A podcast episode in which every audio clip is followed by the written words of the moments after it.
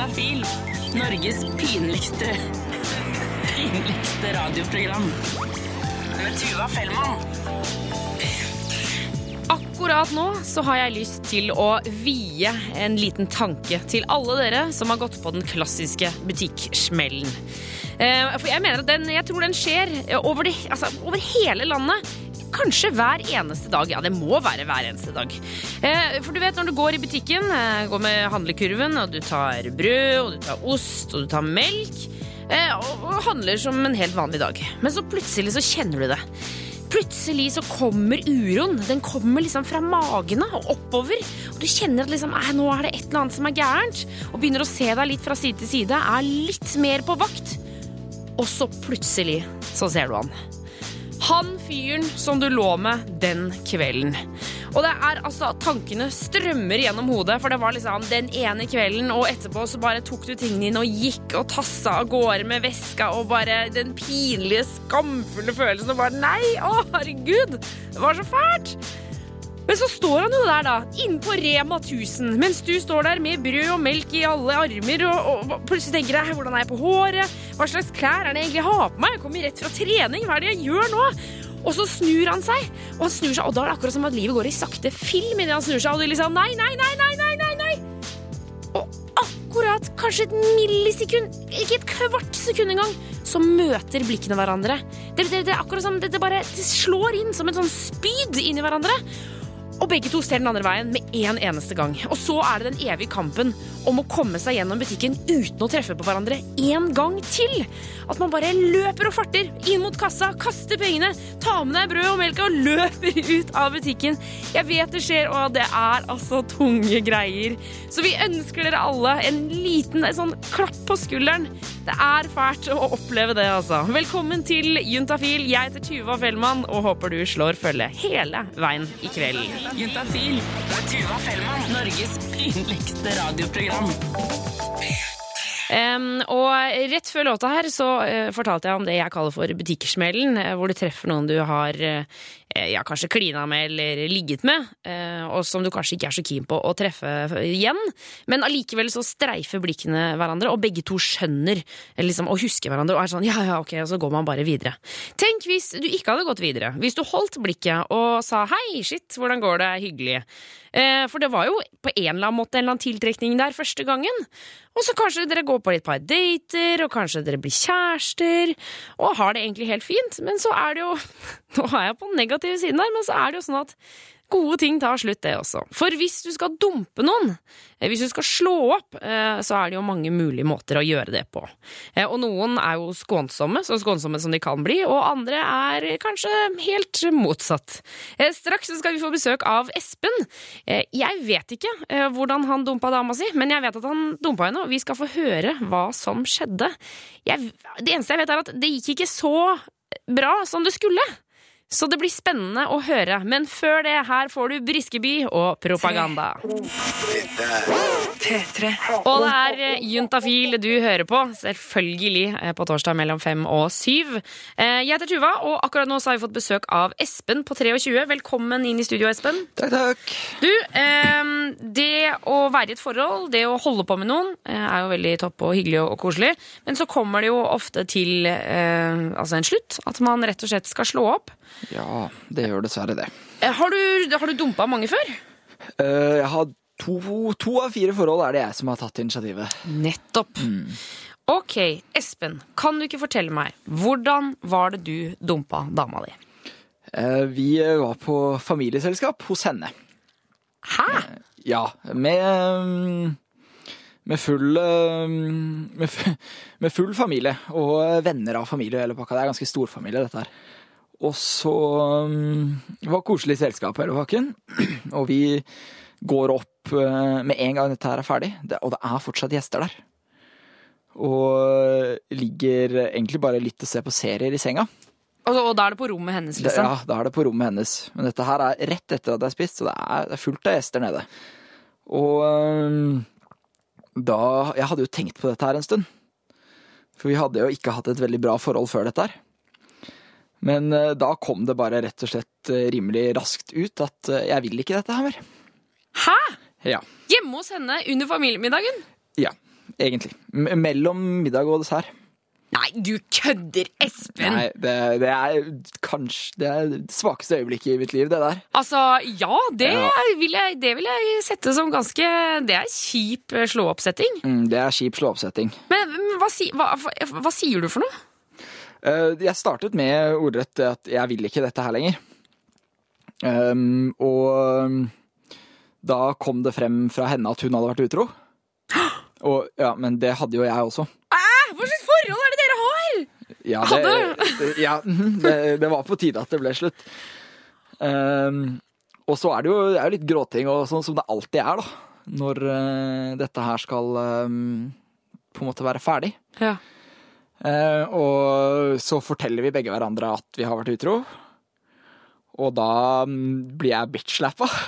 Altså, hun slår deg? Ja, hun slår meg. Nei, er det sant? Men hun har jo også vært utro! Ja, men eh, jeg tror det var timing mer enn uh, utroskapet som gjorde at hun slo her, egentlig. Ok, hva, hva mener du? Øy, altså timingen at dere var på familieselskap, Ja, familieselskap og, og personen jeg hadde vært utro med. og for det var en bekjent? Nei, det var en hun hadde mistenkt hele forholdet. Jeg hadde, jeg hadde jo ikke, hadde ikke vært utro med henne hele forholdet. Det her var bare et par måneder mot slutten hvor begge to var utro. Men eh, ja. Men ok, altså, eh, det er så mye spørsmål i hodet mitt nå. Det, det er så mye som svirrer rundt.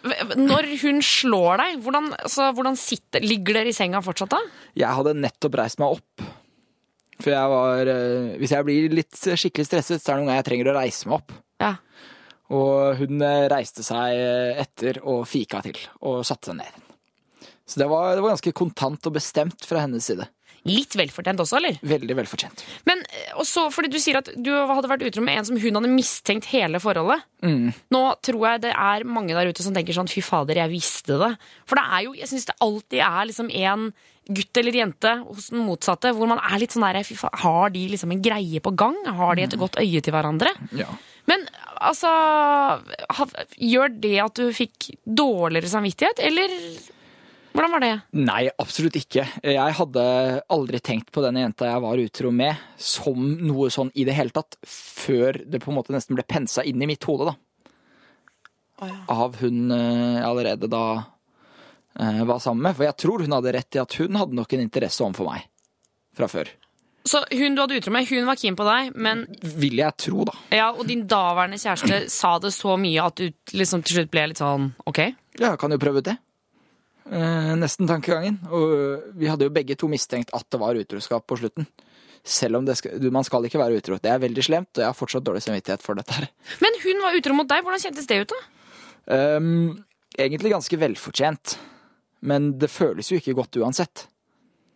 Fordi man har liksom en ehm, et, ehm, Man stol, skal stole på hverandre i et forhold. Og um, det er jo ikke godt uansett. Men ble du sjalu, selv om du selv hadde vært utro? Nei, egentlig ikke sjalu. Eh, Det var mer Men jeg ble veldig trist. Ja. Det var jeg. Det var litt sånn, ja. For eh, det er noe annet å mistenke enn å få det bekreftet. Avsluttende spørsmål her, Espen. Gikk dere ned og spiste dessert? Eh, nei. Okay. Jeg stakk av rimelig kjapt etter det. Det syns jeg høres helt eh, Det synes jeg høres som den klokeste avgjørelsen i den prosessen der. Det vil jeg tro. Tusen takk for at du kom innom Juntafil i dag. Jo, bare hyggelig. Tre. Tre. P3. Dette er P3. Eh, Og Juntafil er programmet du hører på, og vi hadde jo nettopp eh, besøk av Espen, eh, som fortalte at da han skulle dumpe dama si, så viste det seg at både hun hadde vært utro, og han hadde også vært utro. Så det ble en stor oppvask, rett og slett. Men det er jo ikke altså, For der føler jeg at man nesten er litt heldig, hvor begge to har vært utro, for da er det liksom begge to har gjort noe jævlig mot hverandre. Men det finnes jo eh, svært mange forhold hvor det ikke er sånn, hvor det bare er én som har vært slem mot den andre. Og da kan du jo, eller kan du bare begynne å tenke meg følelsen idet du oppdager det. Idet du skjønner at hun har vært utro mot meg. Hun har vært sammen med noen andre. Det kan ikke være en deilig følelse. Men vi skal likevel snakke om den. Dette er Nico og Vince med When the Day Comes her i Juntafil på P3. Og når du blir kjæreste med noen, eh, så føler jeg at man eh, gir hverandre et slags løfte. Eh, Vi er jo ikke på ekteskapet her, men allikevel så er det en forståelse om at nå er det deg og meg, nå er det oss to og ingen andre. Og så tenker jeg også at de aller fleste legger så mye de klarer inn i det løftet for å få forholdet til å fungere. Og jeg tenker at det er derfor det blir så utrolig sårt idet man skjønner at den andre personen har brutt løftet. Vi har nå fått besøk av Selma på 20 år. Velkommen til Juntafil. Tusen takk. Du, altså, du har opplevd utroskap. Vi, Nå kan ikke du fortelle oss, Hva er det som har skjedd her? Start fra begynnelsen av. Jo, nå skal du høre. Eh, jeg var eh, kjæresten med en fyr, og eh, vi hadde vært sammen i kanskje et, et halvt år eh, da jeg fant ut alt dette her, da. Eh, men helt fra starten av i det forholdet så var jeg ganske usikker på han. For at jeg, har alltid, jeg får alltid en sånn magefølelse.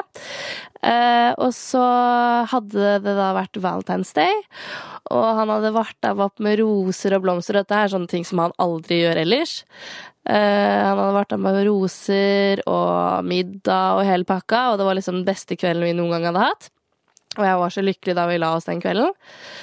Eh, og bare åh, yes, nå er han forelska i meg, nå trenger jeg ikke å bekymre meg, alt er helt perfekt. Eh, og så kom morgenen, og han dro på jobb og lot PC-en stå åpen med Facebooken hans.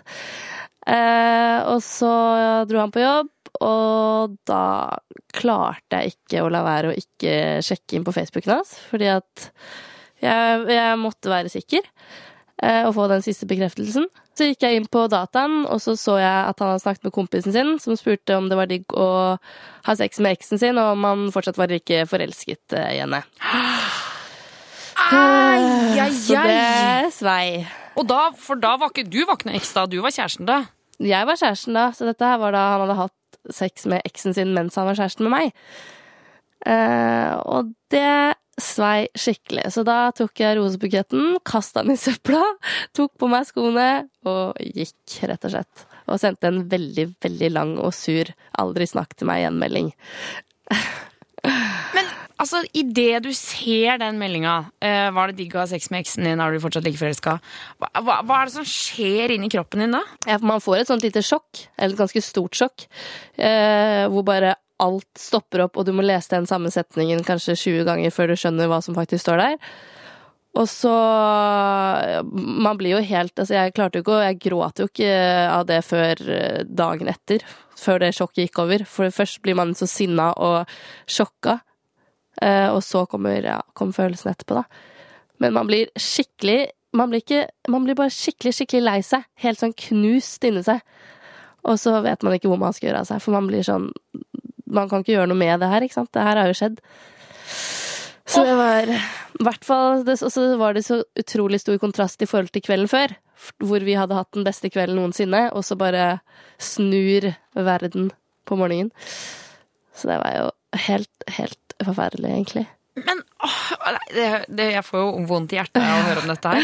Men hadde, så du hva han hadde svart på det? Ja, da hadde han svart at eh, ja, at hun eh, var vanskelig, da, men at han sikkert kom til å få henne til sengs en vakker kveld igjen, eller et eller annet sånt. Så det var ikke noe sånn Hei, altså, jeg har kjæreste, jeg eh, angrer skikkelig. Altså, det var veldig sånn derre Ja, jeg får det ikke Altså, ja, det var ikke noe anger. Men Hvordan kjennes det ut å snakke om det nå? Blir du sint av det nå, liksom? Mm, nei, nå er det en god, ganske lang, altså en ganske god stund siden. Jeg kjenner at det, jeg kribler litt i kroppen når jeg snakker om det, for det er jo mye følelser som ligger der. Han var jo ja, kjæresten min, men eh, nei, nå har jeg kommet liksom ganske greit over det. Og det er veldig deilig å ikke kjenne på så mange følelser nå som da jeg kjente på det før da jeg snakket om det. Ja, for, å, men når du sender, du sender, sier at du sendte en sånn si- lang, sur, sint eh, melding, aldri snakk med meg igjen-greie. Mm. altså, hva, hva skjedde etter det?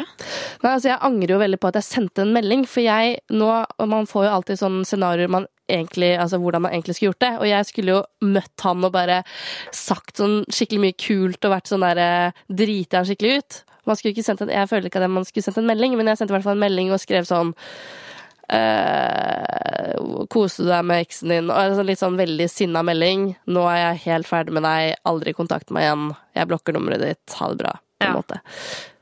Men du tenker at du skulle tatt mer Du skulle drite han ut mer? Ja, liksom. vært litt sånn der Møtt på han, spurt om vi skulle møtes, og bare sånn 'Hei, du, var det hyggelig med eksen din?'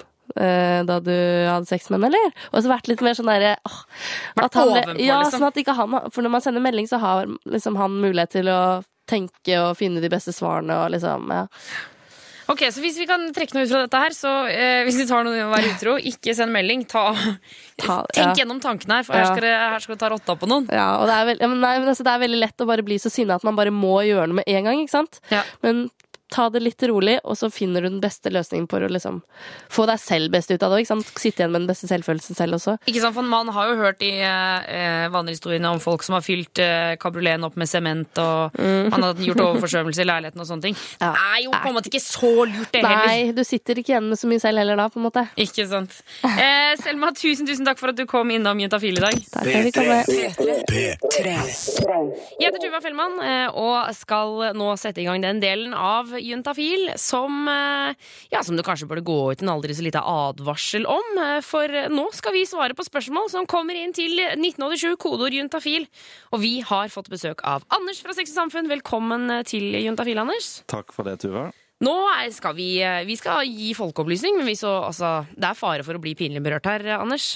Ja, det er alltid litt pinlig, syns noen, å snakke om sex, men eh, viktig å snakke om samtidig. Enig! Det er jo dritviktig. Ja. Jeg tror eh, man løser verdensproblemer ved å snakke om sex. Ja, noen i alle fall. Eh, 1987 kodeord juntafil. Eh, der kan du sende inn ditt spørsmål om sex, kropp og følelser. Og vi har fått en SMS her fra jente21, eh, hvor det står av og til kommer det væske ut av vagina når jeg kommer. Eh, Det kommer ganske fort, akkurat som urin. Hva er det? Ja, Jente21. Eh, mange forskere mener at jenter også får en type utløsning på samme måte som det, det gutter får. Eh, og det kalles ofte for squirting. Ja, for det er squirting hun eh, tenker på. Ja, altså eh, når man blir kåt eh, som jente, så får man jo væskeproduksjon i skjeden. Så det kan være det også. Eh, men noen tror da med squirting at jenter har sånn kjertler inne i skjeden som produserer en, en type væske som ikke er urin og ikke er skjedesekret, men en egen type væske da som skilles ut, ofte i forbindelse med en orgasme. Ja, fordi, altså, for vi vet jo at jenter når de blir kåte, så blir de også våte. Det Rimer liker jeg Ja. alltid like godt. Hver eneste gang. Um, men, men dette her er liksom sånn her, det er som en liten fontene som skyter ut som små fyrverkeri. Ja, eh, og noen jenter har den evnen, men eh, mange har det ikke. For jeg, altså, med fare for å være for personlig her, jeg blir nesten litt misunnelig. Det virker så stas å kunne. Ja, men jeg tror faktisk man er veldig påvirka av eh, porno når det gjelder dette med, med squirting. Altså Man kan få inntrykk av at jenter uh, squirter masse, kanskje en liter. Uh, men da må man huske på at porno er liksom klippa og sydd sammen masse filmtriks. Eh, sånn at det man ser på porno, ofte ikke er reelt, da. Ja, så, så det, ja, det, det kan jo kanskje gjøre at det, det ikke er like stas, eller altså at det ikke er så spesielt, på en måte. For, Ja. Fordi på porno så ser det jo ut som at det, altså, det kunne vært like mye som en melkekartong som kom susende ut, liksom. Ja, det er jo voldsomt. Det samme gjelder egentlig mannlig sædutløsning på porno også. Altså, i, I realiteten så kommer det kanskje en teskje til en spiseskje med, med sæd ut, og så i porno så er det kanskje, ser ut som det kommer en liter, da. Men Ja. jeg, jeg lurer sånn på hvorfor de, altså, de pornoregissørene og produsentene Hvorfor de har lyst til at det skal komme så himla mye væske ut. Det handler vel om fantasi, tror jeg. Um, det er jo ikke realistisk. Så man gir kanskje folk det, det folk vil ha, og folk vil ha fantasier og ikke virkelighet alltid. Ja, ok. Og, at det skal, og kanskje det der med at det skal være så innmari ekstremt hele tiden. Ja. Alt skal jo være så svært. Altså, puppene er så store, og tissen er så lang, og det er liksom bare rah, rah, rah. Ja, det er voldsomt. Mens vanlig sex er jo bare litt sånn klønete og litt sånn «Øh, OK, ok, ferdig. Ha det. Men det er også verdt å si at det med squirting eh, hos jenter er ganske omdiskutert. Eh, og hvis man søker på dette på nettet, så vil man finne at det er mange som bare mener det er en urinlekkasje, mens andre mener da at det er det eget sånn fenomen at jenter har en utløsning. Så litt sånn eh, omdiskutert. Ja, Men, men eh, alt i alt for Jente21 så, så er det i hvert fall ikke noe å bekymre seg for. Kan- Forstår jeg det rett da? Nei, nei, nei. Ikke noe å bekymre seg for. Alt virker helt fint. Så, så lenge hun er fornøyd, så, så er alt bra. Ja, det er fint. P3. Eh, hvor vi har besøk av Anders fra Sex og Samfunn. Eh, og Anders, du passer jo på oss her på P3. Det er veldig deilig, forresten. Takk for Ja, Bare hyggelig. For vi driter jo oss ut støtt og stadig, eh, og gjør ting vi angrer på, ting som vi lurer på. Det er mye rart som dukker opp i livet, spesielt når det kommer til sex, kropp og følelser, føler jeg.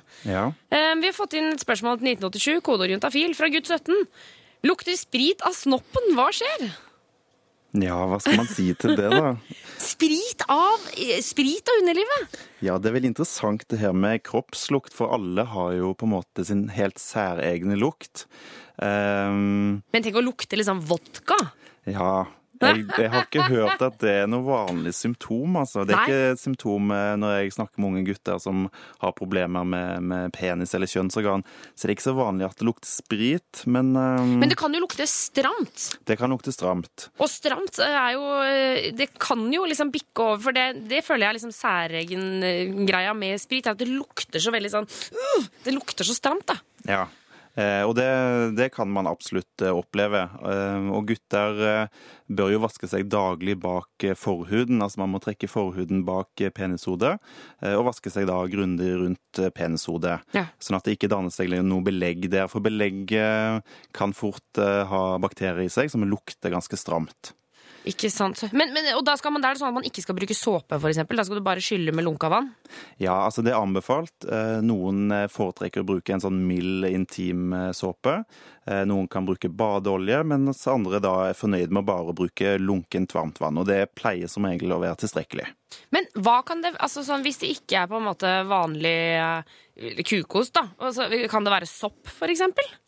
Ja, eh, det vi ser en del på Sex og Samfunn der hvor jeg jobber, er at eh, hvis eh, man da er en gutt og har en, eh, en jentepartner, og jenta da har sopp i skjeden, så kan gutten få symptomer på, på penisen. Smi, så soppen smitter over, på en måte? Ja, men hvis da eh, jenta behandler seg eh, for, med soppdrepende midler, så forsvinner også ofte symptomene da fra, fra guttens penis. Ja, for det er jo ikke liksom sånn som med klamydia, så smitter det jo over, men da blir det jo hos den andre personen også. Så sopp er bare på en måte Det er liksom bare når du gnikker inntil, så blir det irritert. Ja, det er sånn ubalanse i bakteriefloraen, og det skal ofte ikke så mye til for å gjenopprette den eh, gode, naturlige bakteriefloraen, da, og da forsvinner symptomene også. Ja, ok. Så vi, så vi kan jo si til Guds 17 her at hvis du øh, på fast basis holdt jeg på å si, ligger med en, med en jente, så kanskje dere kan snakke litt om om det kanskje har blitt noen rar, altså merkelige lukter nedentil i det siste. Ja, det går an. Men, men kan ikke gutter få sopp? Jo da, det kan de også få. Eh, Så det er absolutt mulig. Men den vanligste grunnen er at de har en kvinnelig partner som har eh, sopp eh, i kjønnsorgan. da. Ok. Eh, Men gutter kan også få sopp. Så da er det jo f.eks. å gå på apoteket og kjøpe sånn soppdrepende salve. F.eks. en salve som heter kanesten.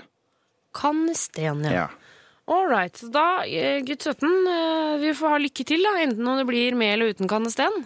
Ja, og uansett så tror jeg ikke det er noe eh, grunn til bekymring. Det er ikke noe farlig, Uh, den lukten han har, da. Nei, og så tenker jeg det med, eh, det med lukten av, som han skriver med sprit. Jeg tenker sånn, Så er det jo litt sånn at kroppslukt endrer jo seg også. Er det ikke det liksom alt etter på en måte hva du har spist, og hva du har gjort, og om du har løpt, om du har hatt det klamt eller ikke klamt?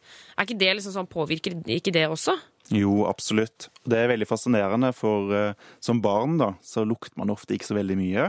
Og så kommer man i puberteten, og så begynner kroppen å produsere alle disse hormonene. Og så begynner man på en måte å lukte mer voksent, da, mer sånn stramt, mer svette. Ja.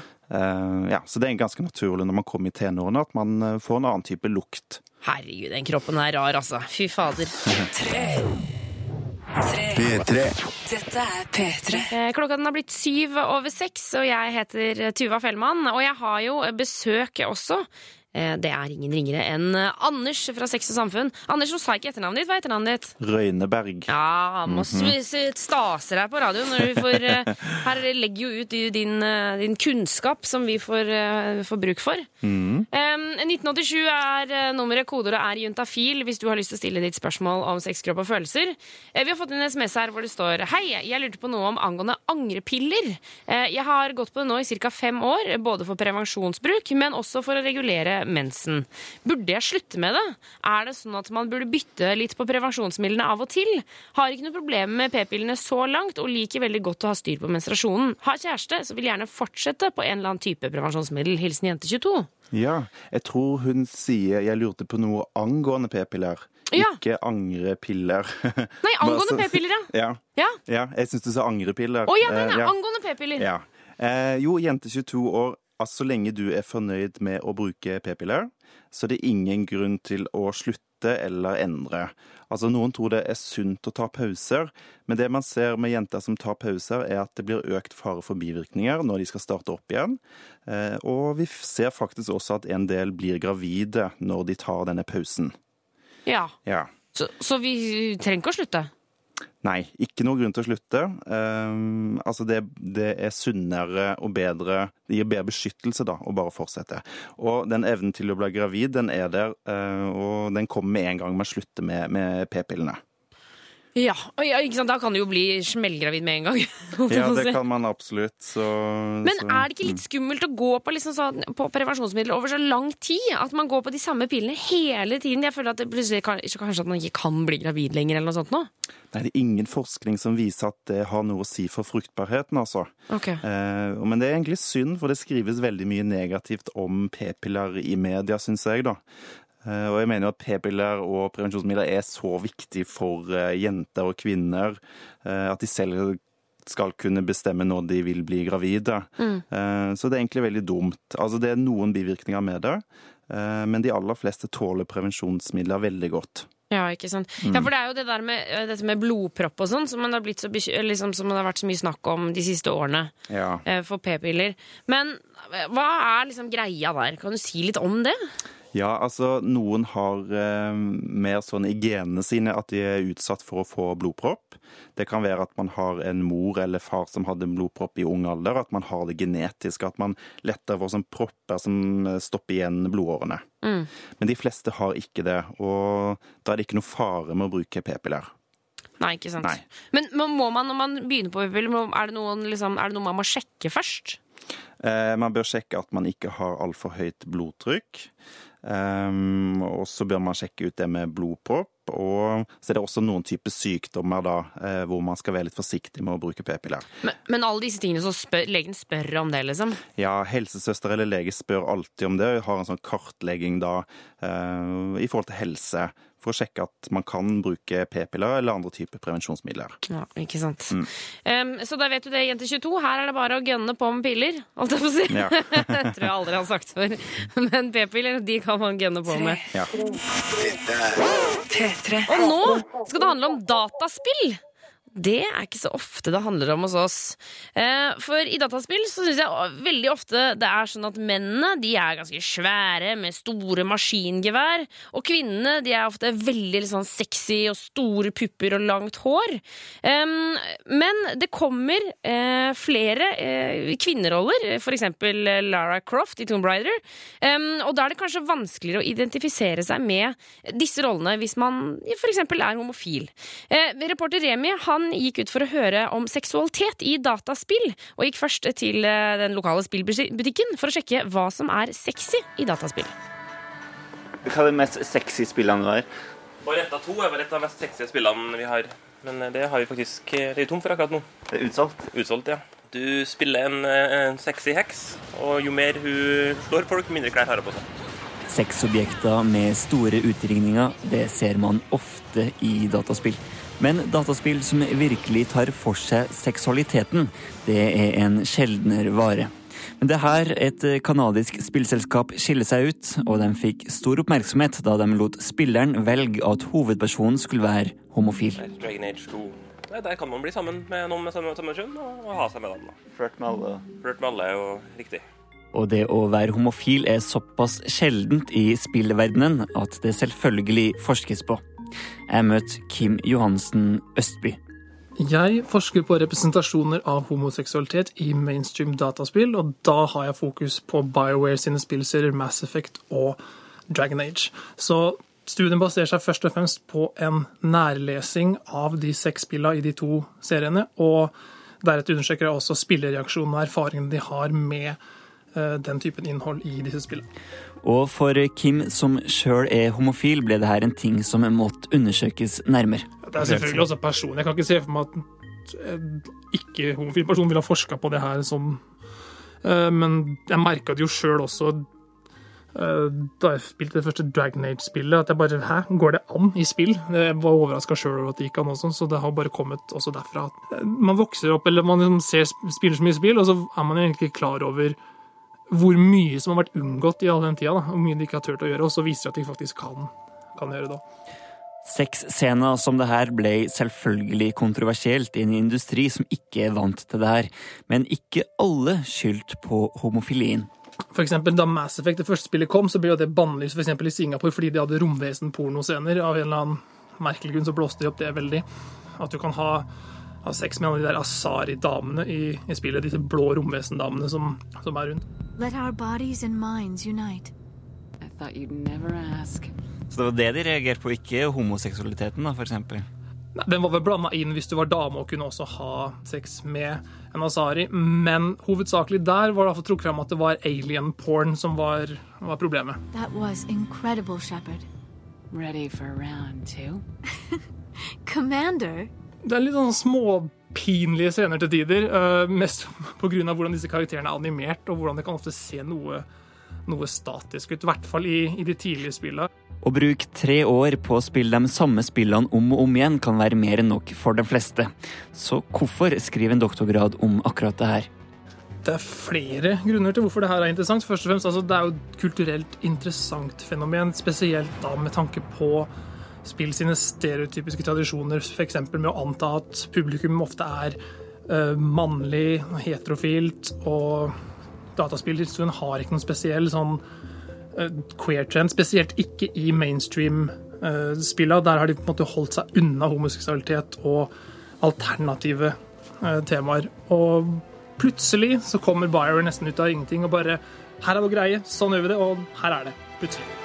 Og dette var Kim Johansen Østby som fortalte til reporter Remi Horgard. Og straks skal du høre hva slags dataspillsex som til og med overrasker en dataspillsex-forsker. Og vi i Juntafil vi har tatt en titt på seksualitet i dataspill, og hvordan det fremstilles. Kim Johansen Østby forsker på spillene Mass Effect og Dragon Age-serien, og han ble spesielt betatt av én karakter, nemlig Iron Bull i det siste Dragon Age-spillet. Det var en karakter som overraska meg veldig, veldig mye. Mest fordi jeg ikke hadde noen planer om å gå etter den karakteren. So, listen, I've caught the hints. I get what you're saying. You want to ride the bull. Veldig svær og horn. Det er vel det som er Not sure if you're ready for it. Oh, oh. oh I'm ready for it. Hvordan er sexen med Iron Ha. Jo, nei, det er vel en såkalt sånn, sånn BDSM-inspirert eh, sexrelasjon, vil jeg tro. Eh, hvor han på en måte da er den styrende parten og spør deg flere ganger om det er greit for deg, om det er noe du vil være med på. Du får på en måte du får to eh, sjanser til å, til å avvise den. But first, ground rules, just so everyone's clear. If you're ever uncomfortable, if you ever want me to stop, you say kato, and it's over. No questions asked. Jeg ser i hvert fall på, eller ser etter seksualiteten på to forskjellige måter. Først ser jeg på det i spilleren sin såkalt egne sfære, altså det man velger sjøl å gå etter, og det man sjøl lyst til å uttrykke. Og så er det det som spillverden rundt og ellers da også uttrykker, hvordan det eh, henger sammen. Men selv om de her spillene lar spillerne velge å være homofil, så er det fortsatt den heterofile mannlige spilleren som i stor grad er i fokus. Damer som er seksualiserte, det er danseklubber hvor det er damer i tettsittende drakter osv. At det er veldig mye fokus på tydeligere mannlig heterofilt publikum som er i tankene der. Og Kim Johansen Østby tror det tar lang tid før homoseksualitet blir en naturlig del av spillindustrien. Jeg forventer ingen store overraskelser fra noen andre uh, spillselskaper. Uh, det som hadde vært interessant, er jo å se spillutviklere som tør å f.eks. gjøre homoseksualitet noe som f.eks. ikke bare da er, er et spillervalg. Eksempel, det er greit i, i Bioware-spillene fordi du har så mange valg ellers, og da man, måte, bør man ikke tvinge for mye på, på hva spilleren skal gjøre, men at man tør å gjøre noe ut av de andre mainstream-spillene også, og ikke bare kjøre på den standardnormen som de gjør. Du hører jo f.eks. at spillene sine har problemer, ikke vet hvordan de skal representere kvinner som hovedkarakterer, og det er en vanskelig ting å gjøre. Men så ser man jo ofte at hva Bioware kommer å gjøre, og at de klarer å få det til. Så det er ikke noen grunn til at ingen andre skal klare det heller. Og dette sa altså Kim Johansen Østby, som forsker på homoseksualitet i dataspill. Eh, Så får vi se da om dette blir vanligere i dataspill etter hvert. Reporter var Remi Horve. Og vi har fått tilbake Anders i studio fra Sexesamfunn. Velkommen inn igjen. Takk, takk, takk. Um, vi, eller du, Ja. du svarer på spørsmål Mhm. til 1987 kodeord juntafil. Um, hvor eh, vi nå har fått eh, SMS fra en gutt som er født i 89, skriver han. eh, hvor det står um, Er det ulovlig å ha sex i en bil utenfor en barneskole på kvelden? Jeg har nettopp gjort det, og er litt redd for at dette, dette skal få konsekvenser. Ja, hva skal man si til det? Um, har det ikke blitt tatt, så har det ikke blitt tatt. Nei, det er jo for så vidt sant. Jeg tenker Sex er jo naturlig, men alle trenger grenser i forhold til hva man gjør. Ja. Uh, og det er jo sånn at man ikke har lov til å ha sex akkurat hvor man vil uh, til enhver tid. Uh, dessverre, vil nok noen si. Ja. Eh, Men det er sånn i de norske lovene eh, at man ikke har lov til å ha sex på offentlig sted. Og det er for eksempel da eh, på en barneskole. Ja, og Selv om det er, er det sånn at selv om det er i en bil, så, så er det på en måte offentlig plass for det, fordi man kan se inn og folk går forbi, liksom. Ja. Så det er ikke, sånn, det, er ikke det samme som å ha sex i sitt eget hus, på en måte. Nei, det er sant. Så jeg, jeg kan jo skjønne at det er vanskelig. Man er kanskje i tenårene, man er nyforelska, hormonene raser i kroppen. Eh, og det er vanskelig å holde fingrene av eh, fatet, holdt jeg på å si. Ja. eh, men likevel så må man eh, bruke litt skjønn og ikke ja, Kanskje man må oppsøke et sted hvor man da i alle fall er helt alene, f.eks. i skogen, da, hvor man ikke blir oppdaga. Ikke sant? Sett, sett bilen på en parkeringsplass ute i skogen. Ja. Det er jo like mye bil for det, på en måte. ja, jeg syns det var et godt forslag. Eh, Så, men, men dette med For han skriver jo at det, eh, han, det er utenfor en barneskole. Eh, Jeg, jeg, er det bare jeg som får det i tankene? Det, det, altså, hvis du først skal ha sex utendørs, så kanskje hold deg unna sånne steder hvor det er barn og sånne ting. Ja, Men det nå er er nok kvelden veldig også, mange men- som ville ha reagert sterkt på det. Ja. Eh, Hvis han hadde fortalt den historien til noen, så um, oppsøk heller eh, parkeringsplass i skogen, sånn som du sier. Det tror jeg er bedre idé. Ikke sant. Eh, Men, men som sagt, dette virker jo også uskyldig, så Ja, ja. Og jeg tror veldig mange har erfaringer med å ha kanskje sex på steder som man tenker i etterkant at ops, der kunne man blitt oppdaga. ja. Ja. Og så eh, ble man ikke oppdaga, så ble man jo ikke det. Nei, de Så- fleste blir jo ikke det. Og så er det litt gøy òg, da! Ja, ja, det, det skal være litt spennende å ha sex. Jeg husker da jeg var på eh, Tryvann-treffet da jeg var russ. Da var- sto det jo folk og hadde sex i skogen. Ja. Jeg husker jeg syns det var så rart. ja.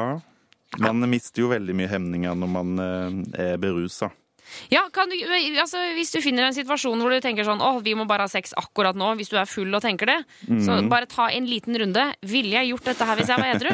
Ja, Hadde det- hatt sex her. Det tror jeg er godt eh, spørsmål å stille seg.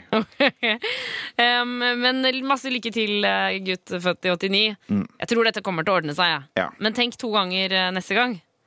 Um, så får vi håpe at, eh, at det ordner seg. Hvor jeg, Tuva, står i studio, og eh, Anders fra eh, Sex og Samfunn, psykiatrisk sykepleier. Eh, og du svarer på spørsmål som kommer inn til 1987, kodeord juntafil. Mm. Um, her står det Hei. Jeg sliter med å få skikkelig boner når jeg bruker kondom. Ender ofte med at den blir droppet, og er lite keen på å bli far. Hjelp! Ja. Altså, det er mange gutter som forteller om dette, som kommer da til Sex og Samfunn eh, hvor jeg jobber. Mm. Eh, Så det er et ganske velkjent eh, problem. Jeg tror en del begynner å styre litt når de har samleie. Eh, og så blir de på en måte avbrutt, de må ta på kondomen, så blir de kanskje litt sånn stressa, man mister tenning, og da går ereksjonen ned. Ja. Så um, jeg tror nok eh, mange gutter kan trene seg litt på å bruke kondom. Ikke Sånn at man kan være sånn kjapp med å få den på. Man kan jo øve seg. Altså, eh, jeg har en kamerat som, som mener at han er altså, han, han, han er sånn Jeg er verdensmester på å ta på kondom. Altså, jeg klarer det kjappere enn noen Ja. kan merke. Ja, så bra. For han har liksom sittet og øvd seg hjemme, da. Mm. Um, så, så det må kanskje gjøre dette her. Men, men han sier jo at han er lite keen på å bli far. Ja. Um, ja, det skjønner jeg jo. Hvis man ikke vil bli det, så vil man jo ikke bli det. Men, men samtidig så, så, så jeg, får jeg liksom litt inntrykk av at han tar det ikke sånn blodseriøst. For er bare, det er bare litt sånn Jeg er litt lite keen på å bli far.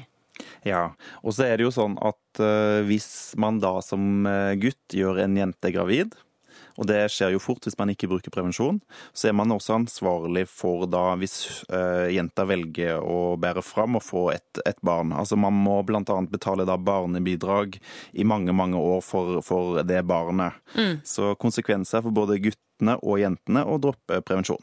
Ikke sant? Så, men jeg tenker sånn eh, for gutten her, han kan jo Det går jo an å avtale eller høre med jenta om hun kan begynne på et prevensjonsmiddel. Det går også an, ja. Men det kan hende at det er eh, randomly her, da. Det er jo ikke sikkert at det er en fast partner. Nei.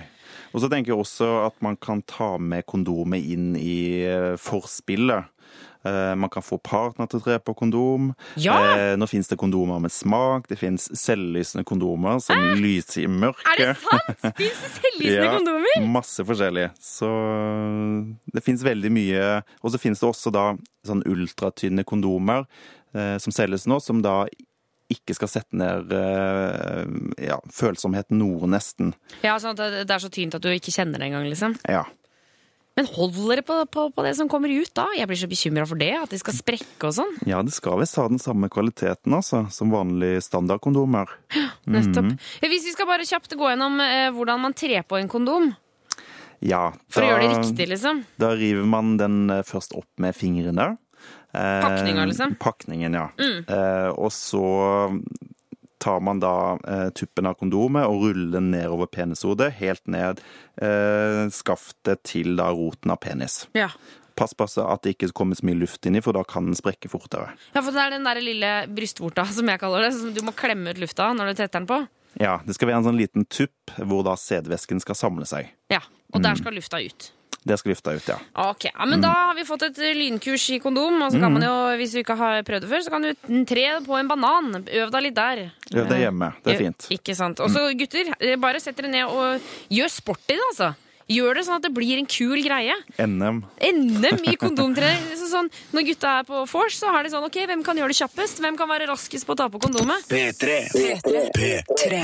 Eh, hvor vi i Juntafil skal ta en siste runde med deg, Anders. Jeg hørte det begynte å si det! Nei, nei, nei. nei. Vi skal svare på siste spørsmål. Her står det fra forvirret jente 19. Når bør man foreta en gynekologisk undersøkelse, og hvem bør man eventuelt oppsøke?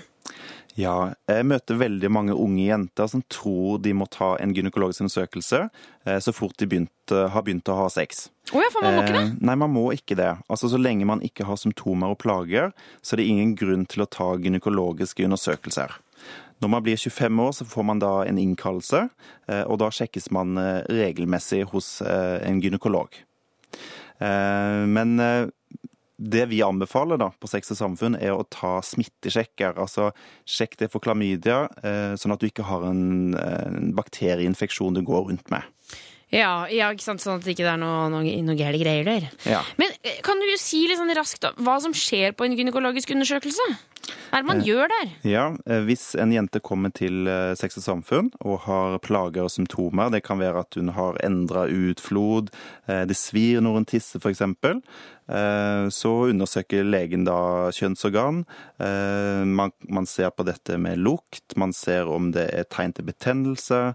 Noen, gang, noen kontorer er også sånn at de mikroskoperer og ser om de finner da betennelse. Eh, Og så hender det at man gir da behandling, og så tar man da tester for klamydia og iblant også gonoré samtidig. Ja, ikke Mm. sant. Så det, og, og det er jo på en måte Det er jo, det er jo ikke til å stikke under stol at det er en litt sånn ukomfortabel greie. For det er jo det å kle av seg og, og beina opp i denne stolen og sånne ting. Men jeg føler at dere som jobber med dette her, ser jo sånne ting hele tida. Mm. Det, det er ikke noe uh, Altså, det er jo ikke noe annerledes, på en måte. Nei, mange gruer seg veldig for å oppsøke oss og syns det er veldig pinlig. Men da må man huske på at eh, vi jobber med dette til daglig, og eh, vi er jo profesjonelle og ønsker da hjelpe pasienten som kommer. Så det må man bare ikke tenke noe på. Ja, så Det er ikke sånn at dere sitter på bakrommet etterpå og sier hun Tuva, fy fader, hun var helt rar nedentil. Herregud, hun så hisse ut som en heks. Nei. sånn er det absolutt ikke. Ok, Det er godt å høre. Det er deilig å få å betrygge seg litt på sånne ting. Jeg, kjenner at jeg liksom, jeg må høre det, selv jeg som jobber her i Juntafil. For det er jo litt skummelt å gå til gynekologisk undersøkelse. Ja, og hvis man ikke liker legen sin, helsesøstera si, eh, gynekologen sin, så oppsøk andre. Altså, det fins mange man kan velge i. Ja, ikke sant, Fastlege. Da kan du bare gå inn på Jeg husker ikke hva nettsida Jeg tror det er helfo.no. Ja, Bare søk på 'bytte fastlege'. Ja. Så kommer det opp, og så kan du bare gå inn og bare endre den. Mm. Um, så det, det er det bare å gjøre. Ja. Um, Anders, vi har kommet til veis ende. Uh, tusen takk for at du kom innom Juntafil i dag. Fint å være her. Uh, og vi er tilbake neste torsdag uh, mellom fem og syv. Og enn så lenge så kan man jo oppsøke dere, Anders, på sexsamfunn.no. Mm. Og der kan du få informasjon hvis du er i Oslo-området. Så kan, er jo dette en gratisklinikk du kan dra til da, og Ja. få, få hjelp til sjekk og det som er. Eh, så får du ha en strålende dag videre, Anders. Takk for det, du òg. Eh, og jeg skal også gi meg. Eh, rett og slett pakke snippveska og dra hjemover. Eh, men vi er jo da tilbake i morgen. Nei, hva er det jeg sier? Det er jo fredag i morgen. Ha! Det er fredag i morgen! Hallo P3 er tilbake på mandag, og Juntafil er tilbake neste uke mellom fem og syv. Hør flere podkaster på nrk.no podkast. P3.